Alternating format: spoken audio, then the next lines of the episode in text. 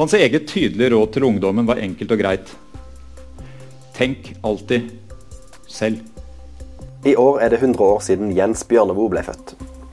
Bjørneboe er en av de mest originale stemmene i norsk litteraturhistorie. Og tekstene hans treffer generasjon etter generasjon. Tore Rems biografier om Jens Bjørneboe kom i samleutgave i år. Og Rem var gjest på Kapittelfestivalen i 2020. Jeg tror at en av de største oppgaver en forfatter har, er å få ordene til å bety noe igjen. Året er 1970, og Jens Bjørneboe formulerer sin poetikk, sitt syn på litteraturen og sine ambisjoner for eget forfatterskap. Å få ordene til å bety noe igjen er et gammelt tema for ham. Men nå har det fått nye betydninger. Han konkluderer med at han er en tilhenger av den engasjerte diktning, men at han ikke dermed er motstander av den såkalt rene diktning, så lenge den ikke avleder oss fra virkeligheten. Essayet jeg siterer fra, eh, heter 'Diktning og kritikk. Middel til kamp eller flukt'. Her bedriver Jens Bjørneboe en form for balansekunst.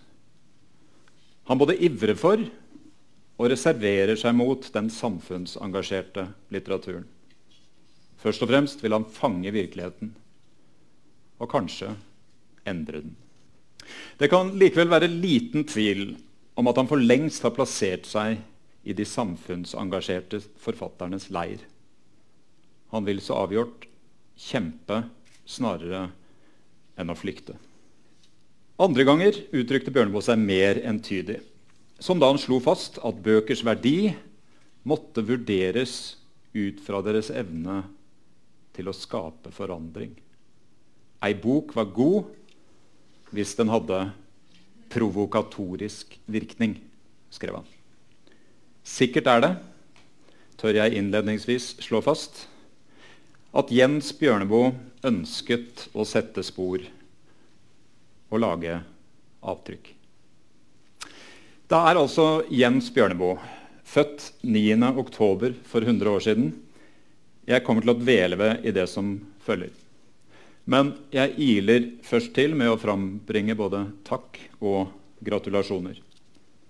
Takk til arrangørene for invitasjonen til å holde dette åpningsforedraget. Takk for at dere fikk ideen om at avtrykk og Jens Bjørneboe kunne passe sammen. Og gratulerer med 25 imponerende år. Hvis min finregning stemmer, så har jeg faktisk fulgt kapittel i 22 av disse 25 årene. Min første opptreden var i alle fall i forbindelse med Kielland-jubileet i 1998. Siden den gang så har jeg gjort og fått med meg litt av hvert av denne festivalen i årenes løp. Jeg har til og med sittet i programrådet en kort stund. Og noe av det som har skjedd, husker jeg til og med. Som da jeg ble kastet inn i rollen som den verdensberømte polske sosiologen og filosofen Sigmund Baumann, som hadde meldt forfall i siste øyeblikk, eller iallfall måtte påta meg å framføre hans foredrag.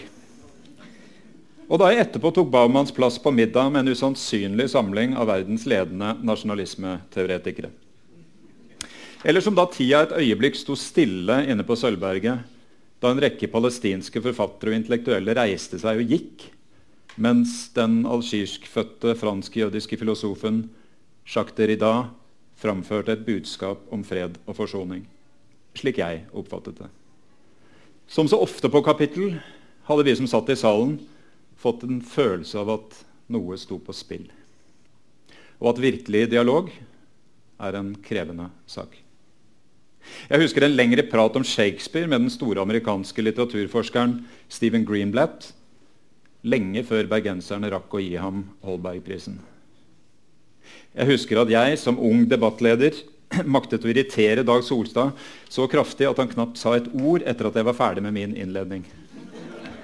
Det handlet om image og om hvorvidt forfattere var seg bevisst den slags. Kvelden før hadde jeg vært vitne til at Solstad holdt show med Harald Eia, til tross for at han få år tidligere i essayet om meddelelsens problem hadde konstatert at det var umulig å være intellektuell i Norge fordi vi manglet en opplyst offentlighet. At det kort sagt kunne være best å holde kjeft. Jeg lurte på hvordan dette hang sammen. Det slo ikke an. Og selvsagt husker jeg at jeg har snakket om egne bøker. Til og med at jeg i samarbeid med Arne Nøst satte opp en liten Bjørneboe-forestilling på Rogaland teater. Og dessuten minnes jeg ett og annet fra hyggelige og sene kvelder på byens utesteder og på MS Sandnes. Og har blitt kysset hit og dit og tatt godt vare på av gjestmilde og alltid entusiastiske frivillige og medarbeidere på Sølvberget. Samt en serie inspirerende og visjonære kapittelsjefer. Jeg husker også øyeblikket da den svenske romanforfatteren Torgny Lindgren så seg rundt etter å ha mottatt sterke inntrykk fra visse deler av den nyeste arkitekturen rundt torget og Breiavannet, og sa det fineste han kunne si i sakens anledning.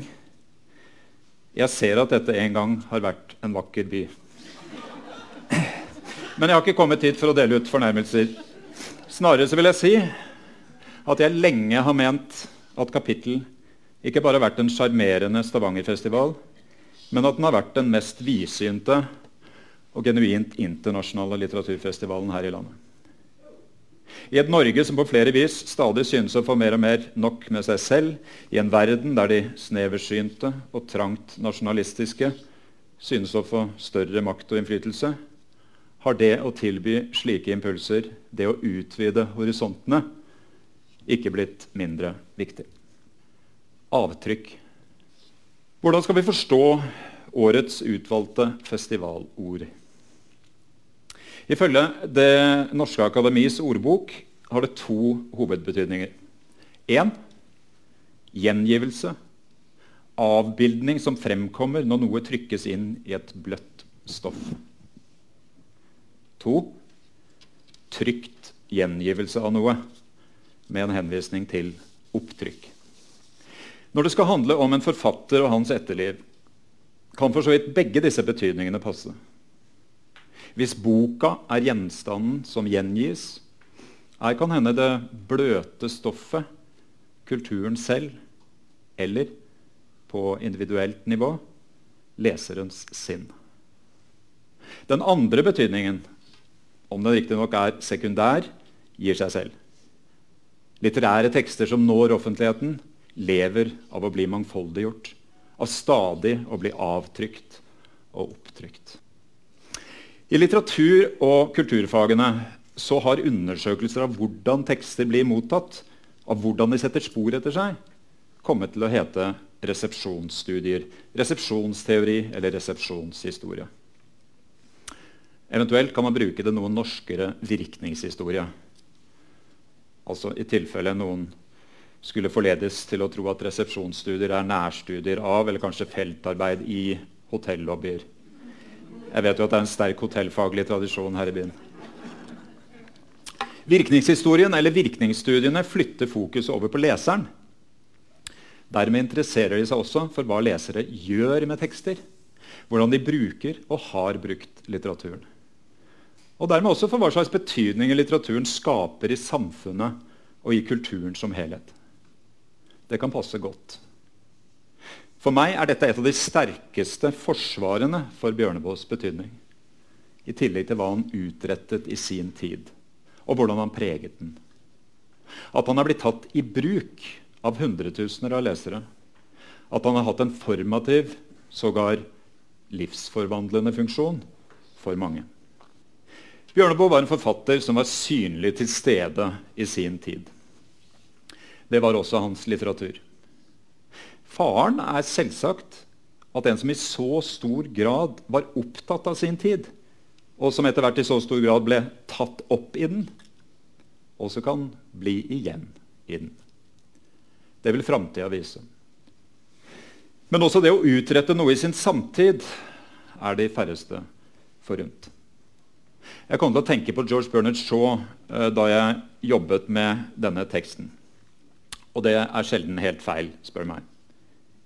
En gang da han sammenlignet Ibsen med Shakespeare, alltid til Ibsens fordel for øvrig, så påsto han at et dukkehjem ville være 'dull as ditch water'.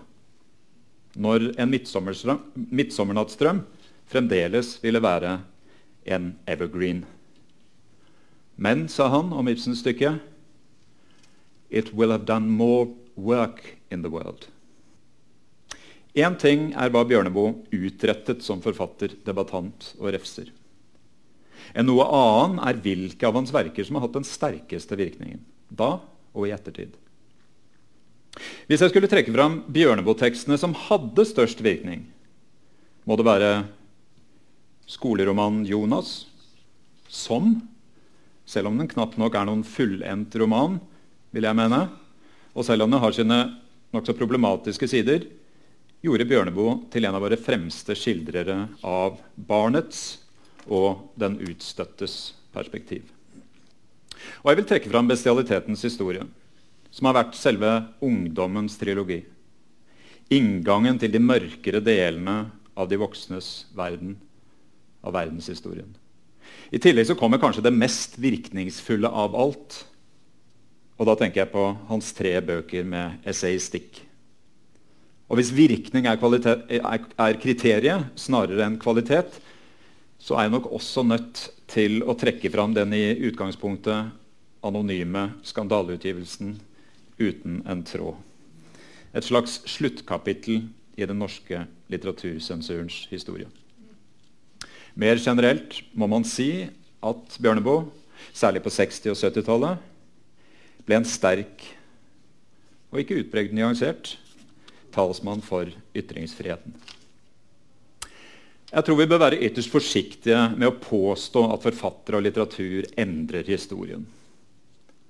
Snarere er de en del av den, Snarere står historien og litteraturen i et komplisert vekselspill. Men i Bjørneboes virke som offentlig intellektuell vil jeg mene at det i alle fall finnes ett klart eksempel på at hans tekster fikk mer avlesbare virkninger i samfunnet. Det begynte med et spørsmål. Er sykdom straffbart?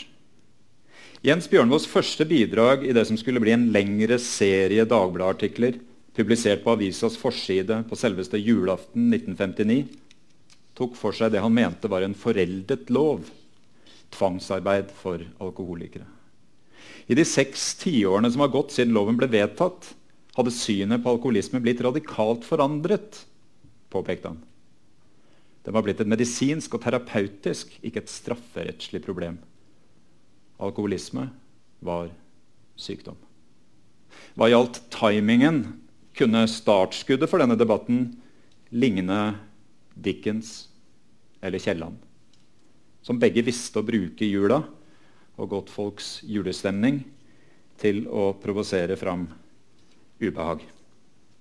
Det kan potensielt skurre litt ekstra når utenverdenen trenger seg på mens man konsentrerer seg om julesteika eller pinnekjøttet. Bjørneboe hadde opplevd noe noen ville dele. Etter å ha sonet en promilledom samme høst hadde han hørt medfangers fortellinger om soningsforholdene i norske fengsler, bl.a. Han satte i gang. Han gjøv løs. Dette er, vil jeg bare minne om, et eksempel på at også lite heltemodige ting og handlinger kan bli produktive. Og da tenker jeg på promilledommen. Det samme gjelder en del av Bjørneboe-mytene. vil jeg si. De kan bli produktive, selv om det ikke alltid er hold i dem. Det kommer jeg tilbake til. I sin andre artikkel viste han til at de fleste fanger ved Oslo kretsfengsel satt inne av alkoholrelaterte årsaker. Men å behandle alkoholisme med arrestasjoner, fengsel og tvangsarbeid var en meningsløs ødeleggelse av mennesker som har det ille nok fra før, skrev han. Det gikk slag i slag i resten av desember og ut januar. Hvordan virker det på et ungt menneske å bli låst inne i en celle? spurte Jens Bjørneboe. Og Snart kom han også med en mer presis kritikk og stadig mer oppsiktsvekkende påstander om soningsforhold og straffemetoder i norske fengsler. Det ville ingen ende ta.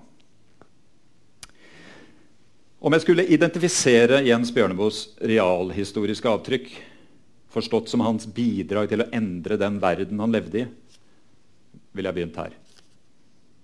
De neste månedenes debatt fikk snart navnet fengselsdebatten. Eller ganske enkelt Bjørneboe-debatten. Her vil jeg mene fikk Jens Bjørneboe etter hvert reell innflytelse på begivenheter som fulgte, på tanken om at kriminalreform var nødvendig, selv om andre også selvfølgelig ga sterke og viktige bidrag. Noe hadde skjedd med den Jens Bjørneboe som allerede hadde satt noen avtrykk i norsk kulturliv. I kraft av sin lyrikk, sine tendensromaner, og da særlig Jonas, sine avisartikler. Plutselig befant det tidligere så konservative, for ikke å si reaksjonære, åndsmennesket, kritikeren av materialisme, sosialdemokrati og velferdsstat, seg midt i de radikales leir. For mange var forvandlingen nesten ikke til å tro.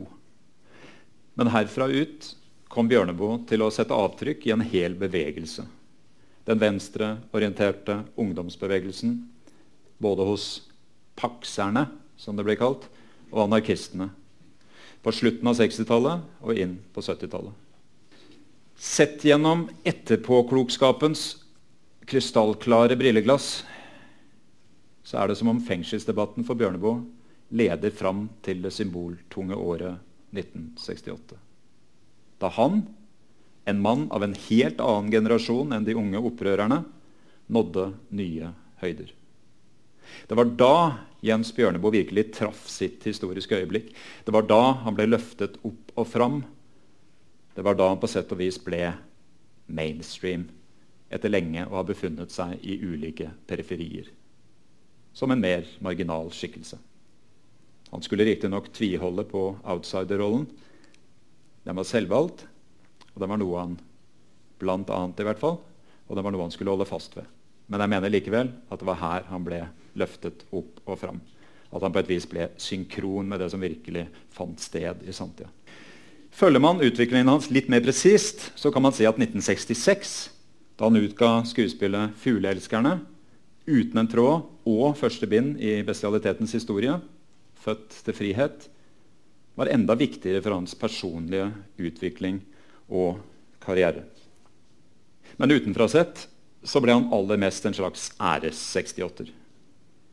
Da et utvalg av norske 68-ere siden skulle se seg tilbake, rangerte de i alle fall Jens Bjørneboe blant sine aller største helter i denne undersøkelsen bare forbigått av Martin Luther King og Mahatma Gandhi. Kanskje, tillater jeg meg å bemerke i biografien, kan de i ettertid ha underrapportert en smule om Marx og Mao. Uansett hadde Bjørneboe funnet fram til nye radikale sammenhenger og fellesskap. Sammenhenger som ble helt avgjørende for hvordan han ble oppfattet. Som ukeavisa Orientering, som forlaget Pax. Det betyr ikke at han alltid hadde sammenfallende synspunkter med venstresiden. Men det var i hvert fall lenge slik han ble oppfattet. Han var gammel som ung, og han ble ung som gammel. Slik har jeg oppsummert dette livsløpet. På siste del av 60-tallet tok Bjørneboe del i en hel bevegelse som skulle sette tydelige avtrykk etter seg i norsk kultur og i norsk mentalitet. Med sitt opprør mot autoriteter, sine politiske holdninger og sin seksuelle frigjøring. Samt med sin nye klesstil. Selv la Bjørneboe fra seg hatt og frakk, men han lot stort sett, med et par unntak, tror jeg, være å la håret gro og beholdt helst slipset på. Innledningsvis så nevnte jeg at avtrykk har to betydninger. I den andre av disse, avtrykk som opptrykk, ligger en vesentlig forklaring på virkningen Bjørneboe fikk på 60- og 70-tallet. I 1965 fant han fram til det nyradikale forlaget Pax. Ikke bare var Pax radikalt, men allerede i sitt første år, 1964, hadde det avertert for serien billigbøker med mening.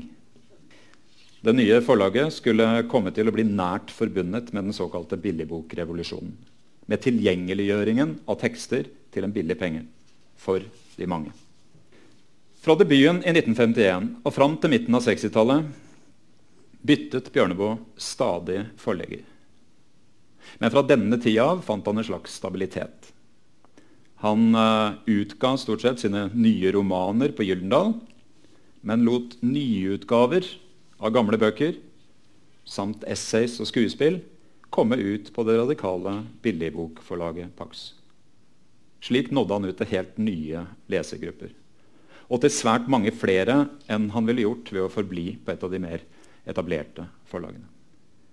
Jens Bjørneboe ble tilgjengelig. Jens Bjørneboe ble mangfoldiggjort. Og dessuten, som jeg har antyda allerede, ble alt hans vesen, til og med hans tidligere verker, gitt en ny, radikal innpakning og forståelsesramme. Han følte seg som en far for dem han kalte sine kjære paksebørn.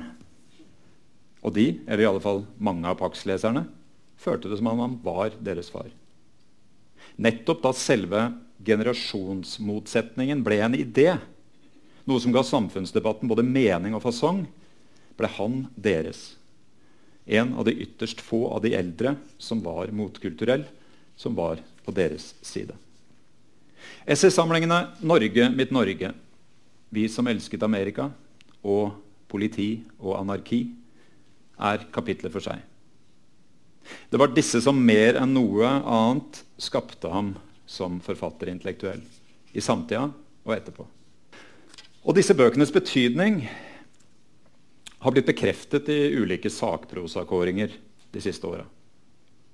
Her var mannen som tok sine stadige oppgjør med formyndermennesket, som stort sett var imot alt makta foretok seg, fordi makt per definisjon var av det onde. Her var anarkisten, han som stilte seg på de unges side i samfunnsdebatten, som da han eh, formulerte sitt paradoksale la oss kalle det hamsunske råd til ungdommen Tro aldri på noe som blir sagt deg av eldre mennesker. Essaysamlingene solgte i sensasjonelle titusener. Selv Jonas, skoleromanen, som altså knapt nok vil jeg mene, ehm, kan kalles entydig radikal, fikk et nytt liv gjennom Pax. Ved hans død hadde den blitt trykket i 300 000 eksemplarer. Selv satte han sin lit til at det var slik opplysning, informasjon og kritikk ville nå fram i en tid og offentlighet han ofte fortvilte over. Hans eneste håp, uttalte han i 1967, var den billige bok, den billige teaterbillett. Det må nevnes at Bjørneboe, særlig på 60-tallet, også nådde fram gjennom teatret. Via oppsetninger av en serie tydelig samfunnsengasjerte stykker som Til lykke med dagen, Fugleelskerne og Semmelweis. Og så var det mytene. For også mytene om Jens Bjørneboe har satt avtrykk. Det er vanskelig å tenke seg en norsk forfatter fra det 20. århundre som har vært mer myteomspunnet enn ham. Til dels var det utvilsomt hans egen fortjeneste. Men i tillegg så gjorde mange sitt for å videreformidle og utvide mytene. Og dessuten var det som om hans liv og livsførsel nesten kom til å passe for godt inn i en av kulturens grunnfortellinger om kunstneren. En fortelling vi har arvet fra romantikken. Om den store misforståtte, han som står aldeles utenfor. Om den lidende seeren, han som til slutt ofrer seg, eller snarere blir et sonoffer for de mange. I forordet til første bind av Bjørneboe-biografien, 'Sin egen herre', så begynner jeg med en talende anekdote, og en sann sådan. Jeg tror jeg rett og slett leser dette bitte lille avsnittet for dere. En gang på 1980-tallet sitter en yngre mann fra Vestfold i festlig lag inne i Oslo. Da det lir utpå kvelden, underholder en av de andre gjestene forsamlingen ved å fortelle den dramatiske historien om da han fant Jens Bjørneboe etter selvmordet. Festdeltakerne lytter andektig til fortellingen om den myteomspunnede forfatteren. Men den unge mannen lytter med en helt særlig interesse. Det var nemlig han som egentlig fant Bjørneboe død i huset på øya Veiland 9. mai 1976. Han lar være å gi det til kjenne. Denne lille fortellingen kan si mye om de mange liv Bjørneboe har levd og fortsatt lever.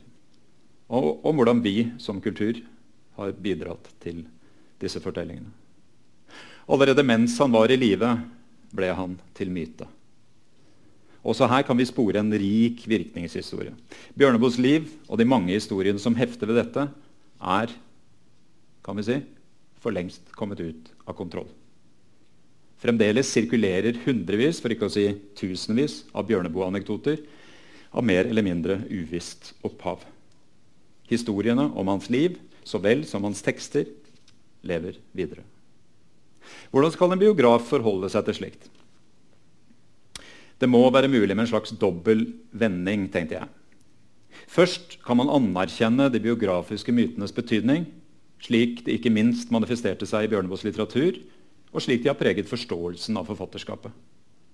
Slik de på dette viset ble historie og fikk virkning i historien. Men deretter bør man veie disse opp mot andre kilder og tekster for å undersøke mytenes gehalt, for kritisk å vurdere når de holder mål, og også når de rammer andre. Når de setter andre eksistenser rundt den store mannen i skyggen. Eller til og med øver vold mot dem, uten at man dermed mister blikket for at myten har hatt en funksjon. Myten om Bjørneboe har, kunne man eksempelvis si, inspirert mange unge til engasjement. Men kanskje har den også bidratt til at enkelte har foretatt vel dype dykk inn i mørket, eller til at de på usunt vis har henfalt til dyrkingen av det romantiske forfattergeniet, hevet over alt annet. Den rene dyrking produserer sjelden sterk tenkning. Én ting er mytene, men også som historisk person satte Bjørneboe spor. Også biografien jeg avsluttet for uh, ti år siden, etter drøye seks års arbeid, og det ble vel om lag 1200 sider tekst, uh, men med mange bilder, uh, må sies å utgjøre Bjørneboes avtrykk. Hans biografi ligner ingen annens. Og likevel vil jeg forsøke å vise kan han kaste lys over store deler av norsk historie i det 20. århundre. I ettertid så framstår han som et bilde, og ikke mindre som et vrengebilde, eller et motbilde av sitt land og sin tid. I de harde 20-åra vokste han opp som et forkjælet barn i Kristiansands byaristokrati. I de politiserte 30-åra ble han dandy, dekadent og opprørsk rikmannssønn på pensjonatskole. Under krigen var han kunstner, metafysiker og flyktning i et tyskspråklig miljø i Stockholm. Fra 1945 og til 50-tallets slutt sto han i opposisjon til det store kollektive prosjektet med å bygge velferdssamfunnet. Som antroposof, riksmålsmann, vitenskapskritiker og lærer på privatskole var han en skarp kritiker av sosialdemokratiet i dets storhetstid.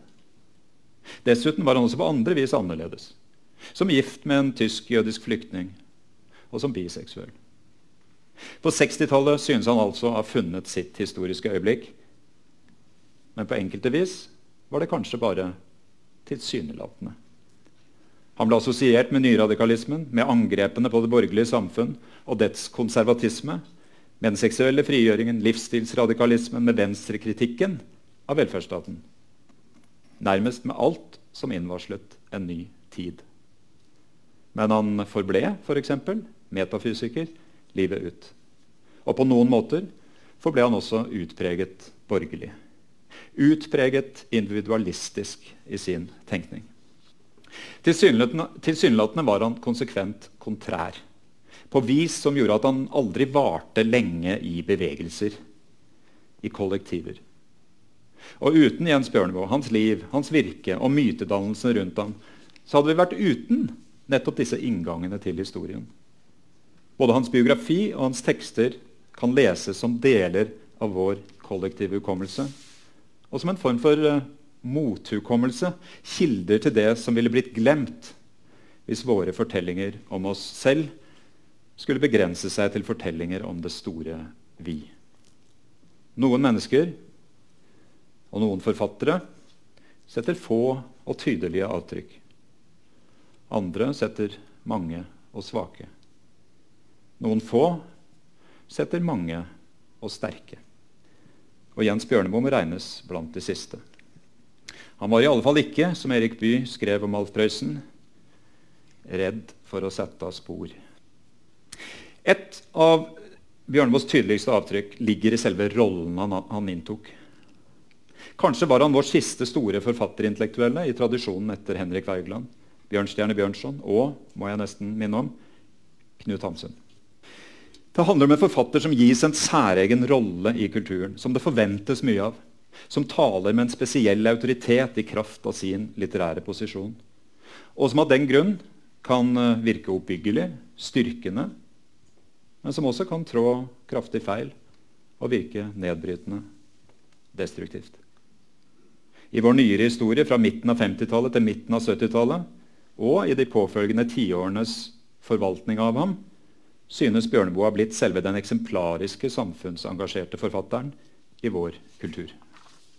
Lenge, vil dere huske, var spørsmålet hvor er den nye Jens Bjørneboe? Et rituelt rop i norsk offentlighet. Og det kan til tider fremdeles dukke opp. Men hva mener vi da? Antagelig en forfatter som går inn i sin tid, som ønsker og krever forandring, som engasjerer seg. Antagelig en som helt ut dyrker rollen som outsider, som fri. Men kanskje, og dette er et mer ubehagelig spørsmål, rommer dette ropet også en lengsel etter en form for autoritet som vi, som kultur og offentlighet, kanskje ikke bør holde oss med. Denne rollen må det gå an å slå fast, er ikke lenger tilgjengelig. Den trakk sine siste gisp med Bjørneboe, og den avgikk ved døden med ham. Noen setter avtrykk gjennom stor grad av tydelighet ved å overdrive. Og Bjørneboe var en slik. Han var polemiker, en mann av de aller største og ofte vittigste ord, og ikke sjelden en formidler av de enkleste polariseringer. Og Da er jeg tilbake hos Shaw.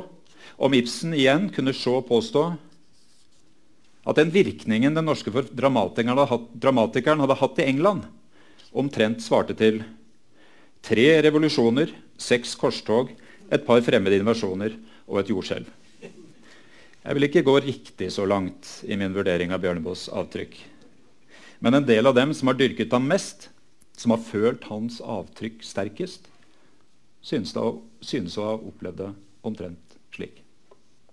Vi skal ikke glemme, skal ikke glemme glemmeboka. Den er en stor bok, og den blir stadig større. Også det kan være verdt å huske når vi vurderer og diskuterer avtrykk. Mye har blitt borte, eller det har blitt svakere.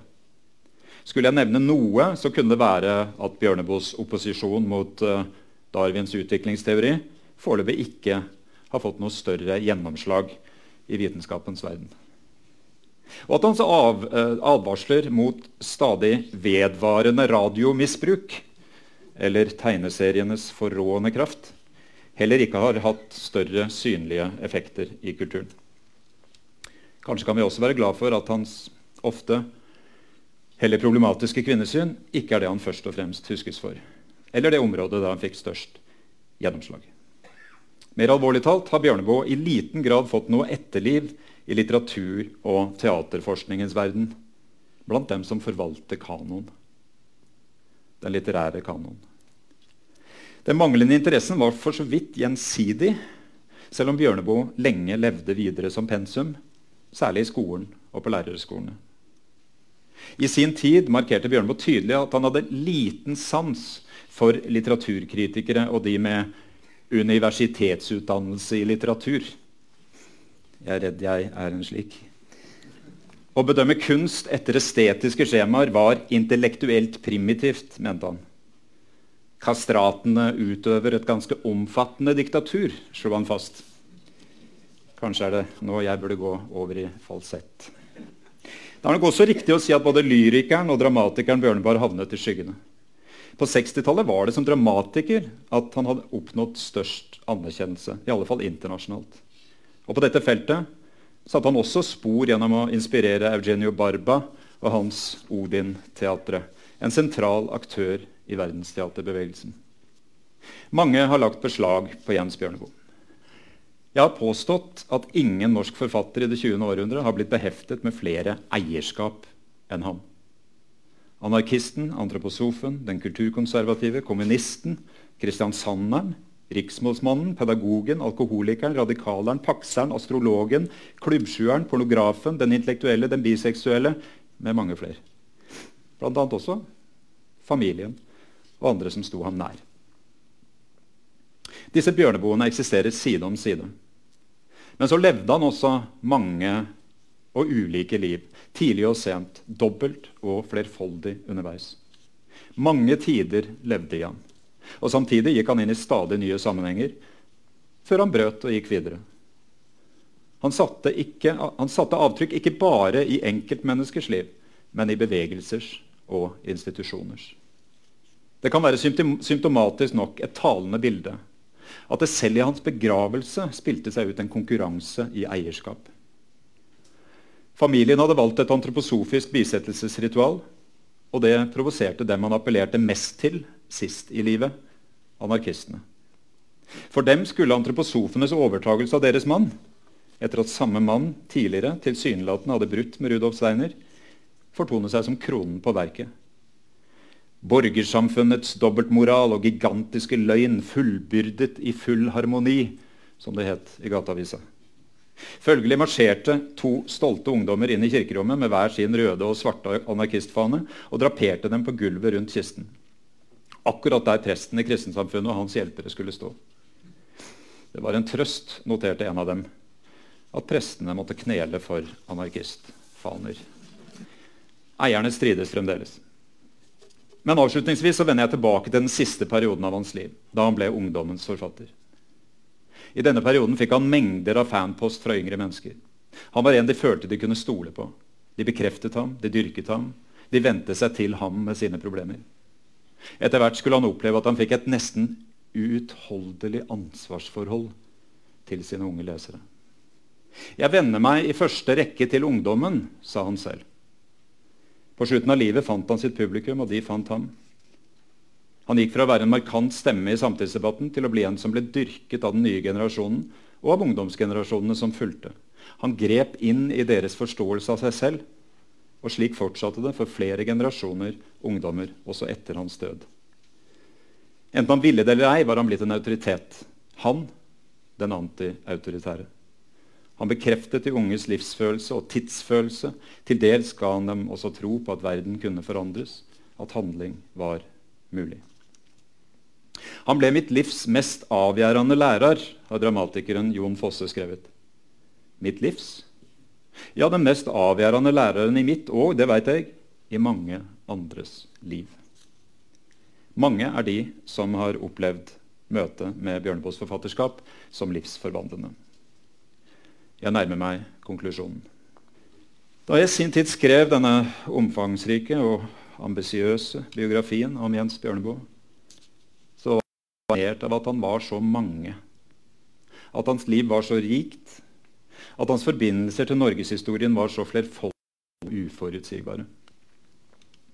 Følgelig forsøkene etter både mennesket, myten, forfatteren og den intellektuelle. I denne prosessen endte jeg opp med å prøve å fri ham fra eierskapene.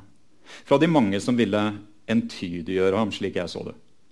Gjennom å forplikte meg på historien, på de mange tusen kildene vi har til forståelsen av hans liv og virke, gjennom å antyde at den ene Bjørneboe ikke nødvendigvis var mer egentlig enn den andre. At noe av det interessante nettopp lå i paradoksene og det motsetningsfylte, i det som ikke går opp. Jeg forsøkte å vise at Jens Bjørneboe ikke kunne tas til fange. Selvsagt har også jeg min Bjørneboe. Selvsagt vil leseren av min Bjørneboe-biografi forstå at jeg oppvurderer enkelte ting og nedvurderer andre.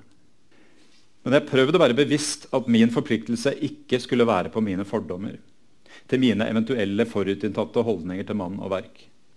Jeg ønsket show mer enn tell, som det heter i fortellerkunsten. Og vise fram mer enn å propagandere for egne fortolkninger. Og Dette fører til at det er gitt at man i det hele tatt ønsker å forholde seg samvittighetsfullt til historien og dens kilder, bør ha blitt vanskeligere å insistere på én Bjørneboe. Til at det bør ha blitt tydeligere at Bjørneboe var mange.